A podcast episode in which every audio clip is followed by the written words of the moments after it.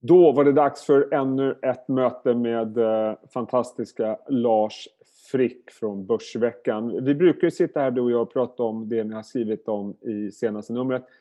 Men vi mm. struntar i det. Eh, ja, jag gången. tycker vi, vi släpper det. Vi fokuserar Man kan på rapportperioden. Läsa. Man kan läsa det. Uh, vi fokuserar på rapportperioden för det går ju faktiskt inte att bortse från det. Och uh, jag tänkte att du och jag ska fokusera på en trio storbolag mm. idag. Uh, och det är Telia, Handelsbanken och Ericsson. Tre aktier som har utvecklats olika på börsen i år. Det känns lite grann som att den trenden mm. förstärks efter de här rapporterna, vilket jag kan tycka är lite märkligt. Men vi kan ta det sen Lasse, vad säger du om det? Mm. Eh, ska, vi börja med, ska vi börja med Ericsson? Den aktien studsar upp rejält idag på en till synes väldigt bra rapport. Marginalerna, bruttomarginalerna är ju brutala tycker jag. Eh, ja. Vad säger du om rapporten? Ja, fantastiskt stark rapport. Um, vi skrev senast om Ericsson i Börsveckan i början av året här om en köprekommendation. Uh, mycket på förhoppningar om just marginalförbättringar, vilket vi ser nu. Det här är rätt intressant, lite under kategorin anekdotisk bevisföring. Då, men jag pratade med en Ericsson-anställd här eh, för ett par veckor sedan. Och han beskrev det lite som att han tyckte att bolaget hade hittat tillbaka till sin själ. Det fanns ju en period Ericsson var ju nummer ett ohotad etta mm. och gradvis eroderar den positionen till topp fem, vilket ju är ett remarkabelt ras. Med mycket fokus på tjänster, det här managed services och så vidare. Så att man liksom tappade kanske teknologikärnan eller den här liksom klassiska ingenjörskonsten. Och det tyckte den här personen då att där, har Ericsson hittat tillbaka och det kanske ligger en hel del i det. Jag menar nu i 5G så är det ju faktiskt så att Ericsson tillsammans med kinesiska Huawei leder patentligan och det är ju bara en indikation men jag tycker det säger ändå rätt mycket att både beviljade och ansökta patent. Så att eh, Eh, Ericsson är tillbaks på topp och det är klart i telekombranschen så måste man nog ha den här grundmurade teknologibasen för att kunna konkurrera även inom andra områden. Så att det, det, är nog en längre resa plus att det Börje Ekholm har gjort då i lite mer närtid så där har ju uppenbarligen fallit väl ut. Så att det finns en, en bra trend på sikt eh, och man har bra kortsiktiga siffror här också. Sen är Kina förstås ett frågetecken. Ja, jag tänkte fråga om det. Jag, jag tänkte bara lägga till det. Jag har också pratat med några vänner jag känner som jobbar på Ericsson, mm. de bekräftar den bilden som din anekdotiska vän sa. Mm. Att det, är faktiskt, det, det, det, det, är en annan stämning där idag än vad det var för ett antal år sedan. Eh, jo, apropå Kina. Vi har ju det här beskedet som kom igår från eh, Post och telestyrelsen om att Huawei och ytterligare en kinesisk aktör, ZE, mm. tror jag var, eh, mm. inte får vara med i den här 5G-upphandlingen i Sverige. Mm. Eh, jag vet egentligen inte hur stor betydelse det har för liksom Ericsson i Sverige. Det är en ganska liten marknad. Jag är mest orolig mm. för, utan att värdera det här beslutet, vad som händer med Ericsson i Kina framöver. Ja, precis. Där har det ju gått bra. Visst, och det är ju det är intressant. När man läser Ericssons rapport så spår de ju att över de närmaste åren så kommer marknaden för radio accessnätverk att vara i princip oförändrad, men med ett stort undantag då, Kina. Där förväntas tillväxten vara väldigt hög. Eh, Ericsson har en väldigt lång historia av att arbeta i Kina. Det är många, många år, decennier som de har funnits där. Eh, Nordostasien, där Kina ingår, utgör, mm. tror att det var knappt ja, omkring 8,8 miljarder, miljarder i försäljning under Q3 av dryga 50 där. Så det är en signifikant del.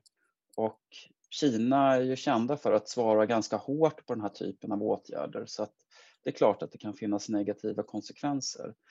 Så det är ju inte bara bra det här att Huawei och CTE utesluts.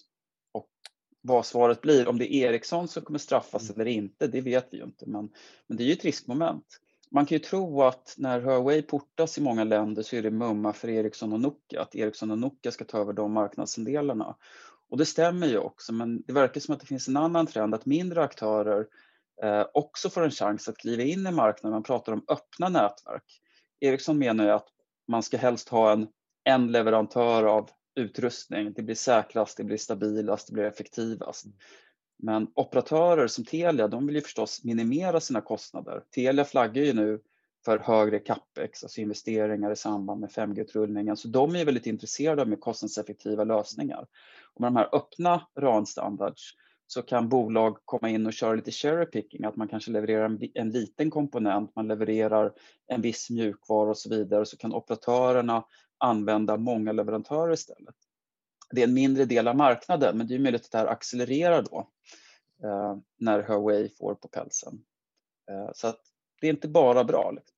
Mm, alltså, men Ericsson står ju starkt ändå. Mm, ja, det är mm, klart. Så att, eh, så, så, så, frågan är, eh, jag, ska, jag skäms lite grann och eh, säga att jag minns inte riktigt det här ni skrev om Ericsson i början av året. Men man kan konstatera mm. nu att aktien är upp eh, 7-8 procent tror jag när vi spelar in det här. Mm. Eh, bra rapport, brutala bruttomarginaler som vi sa. Ja. Man höjer prognosen i, eh, inom visst det här radioaccessnätet vad gäller tillväxten och så vidare. Hur påverkar er syn på aktier? För det här är faktiskt ett storbolag som har gått bra i år på börsen. Mm. Ja, de slår våra förväntningar också så att vi säger fortfarande köp och tycker att det här är ett kvitto på att det går verkligen åt rätt håll. Bruttomarginalen stärks som du nämns fantastiskt bra. Eh, även om tillväxtutsikterna är lite blandade så ser det jättebra ut. Och det, det är liksom inte, även efter kursuppgången ser är det rätt billigt. Det är P 15, 16 i det häradet och då får man ett bolag med stigande lönsamhetstrend ändå okej tillväxt och stabil balansräkning. Bolaget har nettokassa så de kan ju också vara eh, aktiva på med M&A som det mm. så käckt heter. Då. Förvärv. Ja, Nej, kul, jättebra. Välförtjänt kursuppgång. Kul med uh, denna gamla svenska mm. stolthet. Du, Telia då. Uh, det här är ju en ja. aktie som jag har ju uppmärksammat senaste att det är ganska många förvaltare som har börjat prata om Telia. Eh, man har mm. pratat om den här avyttringen och man har pratat om återinförd utdelning, man har pratat om Alison mm. Kirby och hela den här biten. Eh, jag tycker när jag tittar på rapporten att eh, den ser stabil ut. När du och jag pratar så är aktien ner någon procent. Det är en mm. aktie som har laggat börsen i år. Vi har pratat om telekom, teleoperatörerna du och jag tidigare. Mm. Vad säger du om rapporten och varför händer ingenting med aktien? Ja, rapporten var bra. Varför mm. inte händer något med aktierna, det kan vi diskutera.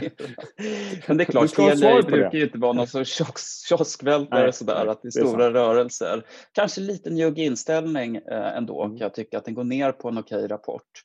Men det har vi också sett lite generellt. Det verkar som att många bolag, även om rapporten är okej, så är det många aktier som backar på, på okej siffror. Så det kanske är det är good men inte good enough på något vis. Att mm. man skulle behöva en, slå förväntningen kanske ännu mer nu. Det kanske ja, men, alltså det, alltså jag har också noterat att, att ja. jag har noterat att marknaden har varit ganska tuff i sin bedömning. Eh, vi har fått många omvända vinstvarningar, förväntningarna har trissats upp och det gäller verkligen att leverera kanonrapporter egentligen. Mm. Men Telia och även Handelsbanken vi ska prata om senare det här är faktiskt två aktier som har laggat börsen under stora ja. delar av året. Eh, så man, jag, min spontana känsla var ja men det här var ju bra. Nu kanske ja. det kan bli lite fart under galoscherna. Men, men eh, om, om vi pratar om rapporten då, vad, vad är det du vill lyfta mm. fram? Uh, utdelning, uh, mm. sen är det capex då, de höjer ju flagga för att investeringarna kommer stiga och det kan pressa marginalerna lite grann. Men det man vill se i Telia det är väl just utdelning. Det här är ju ett klassiskt direktavkastningscase. Sen kan det ju också vara så att många väntar lite grann på att höra vad bolaget säger i sitt bokslut då man eh, förväntar sig få en strategiuppdatering så att det kanske är lite vänteläge för Telia fram tills att Q4 kommer i början på nästa år. Så det kan ju vara en förklaring till att det inte är någon dramatik nu utan marknaden är lite avvaktande för att se vad VD Alison Kirkby, eh, vart hon vill föra bolaget liksom framåt. Och eh, du och jag var inte så länge sedan du och jag pratade om Millicom som var er favorit i sektorn. Ja. Är det fortfarande fortfarande Millicom som gäller? De kom ja. in en trading update också häromdagen som var så bra.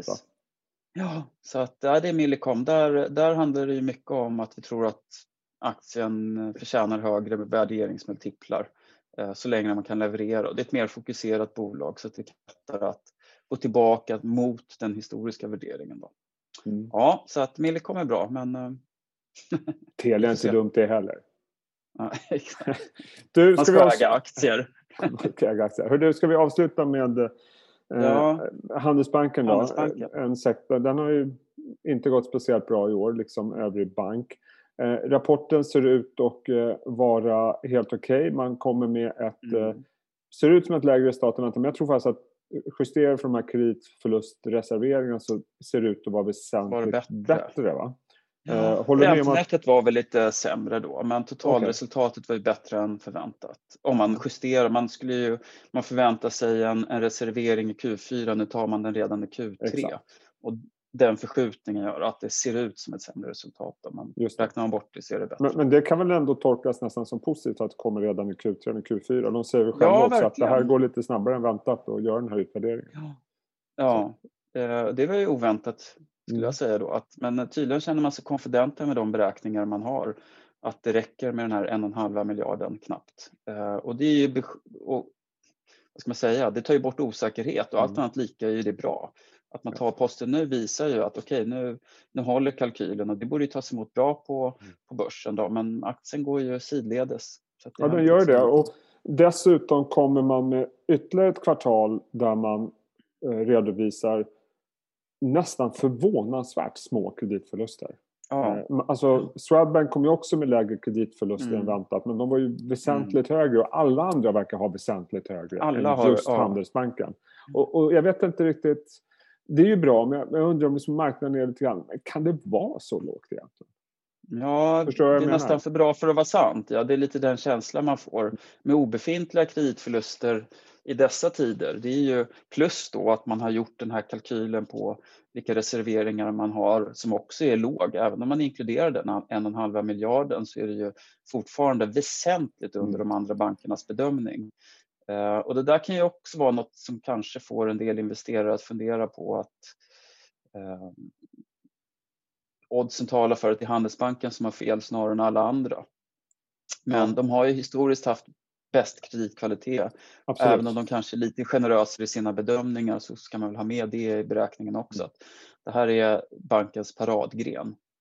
Ja, verkligen. En, en väldigt konservativ, att, eh, stabil eh, ja. verksamhet. Vad, vad säger du annars om den här omstruktureringen eh, vad gäller Handelsbanken? Det känns ju som de flesta har i princip eh, väntat på att det skulle komma. Men nu blir det ja. lite grann kill your darlings för banken om man skrotar ett antal ja. kontor. Är du förvånad är eller är det bra? Det är intressant. Mm. Um, Handelsbanken har ju länge pratat om sin decentraliserade struktur, att bankkontoren ja. har kanske en annan roll inom Handelsbanken än vad de har haft för de andra storbankerna.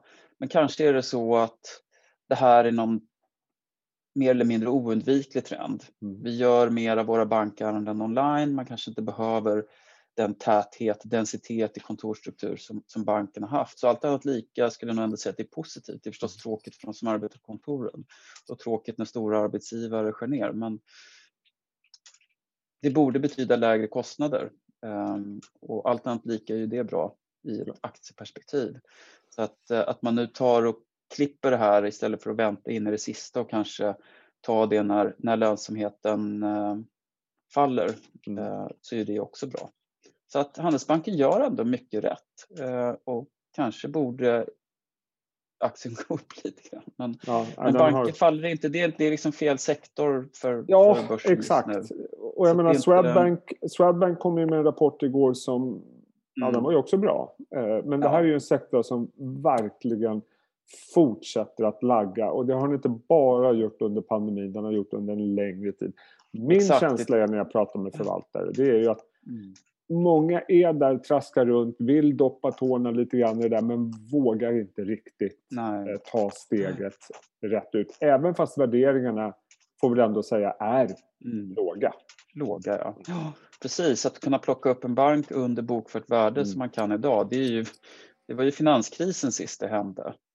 Med flera års underperformance så är det uppenbart att det här är en sektor som investerarna inte vill vara i. Och då räcker det tyvärr inte att en enskild bank presenterar ett enskilt starkt kvartal utan det är, det är för mycket motvind. Så även om jag tycker att Handelsbanken gör mycket rätt nu så tror jag inte att det finns någon större uppsida i aktien. Så det behövs en tydligare trigger helt enkelt. Den finns inte där. Det är fortfarande så att marknaden gör bedömningen att det finns för stora strukturella utmaningar för banker ja. eh, under överskådlig framtid kanske? Ja, ja, så är det. Ja, får se. Det vänder väl. Då blir väl alla överraskade när det vänder också. Men, men eh, vad trevligt vi hade. Eller hur? Ja. Fågel, fisk och mittemellan. Ja, precis. Men jag tycker ändå, jag, jag tycker sammanfattningsvis, det där är tre helt okej rapporter. Det är stabila. I Ericssons fall, jättebra rapport. Men det här är inga mm. dåliga rapporter. På Nej, något sätt, tycker jag. Verkligen inte. Och det är glatt. Det gläder oss. Nu eh, tackar vi för oss och eh, vi eh, ser varandra igen nästa vecka och då är det nya rapport kanske. Det gör vi. Sköt om, Sköt om dig Jesper. Ha det bra. Tja. Hej.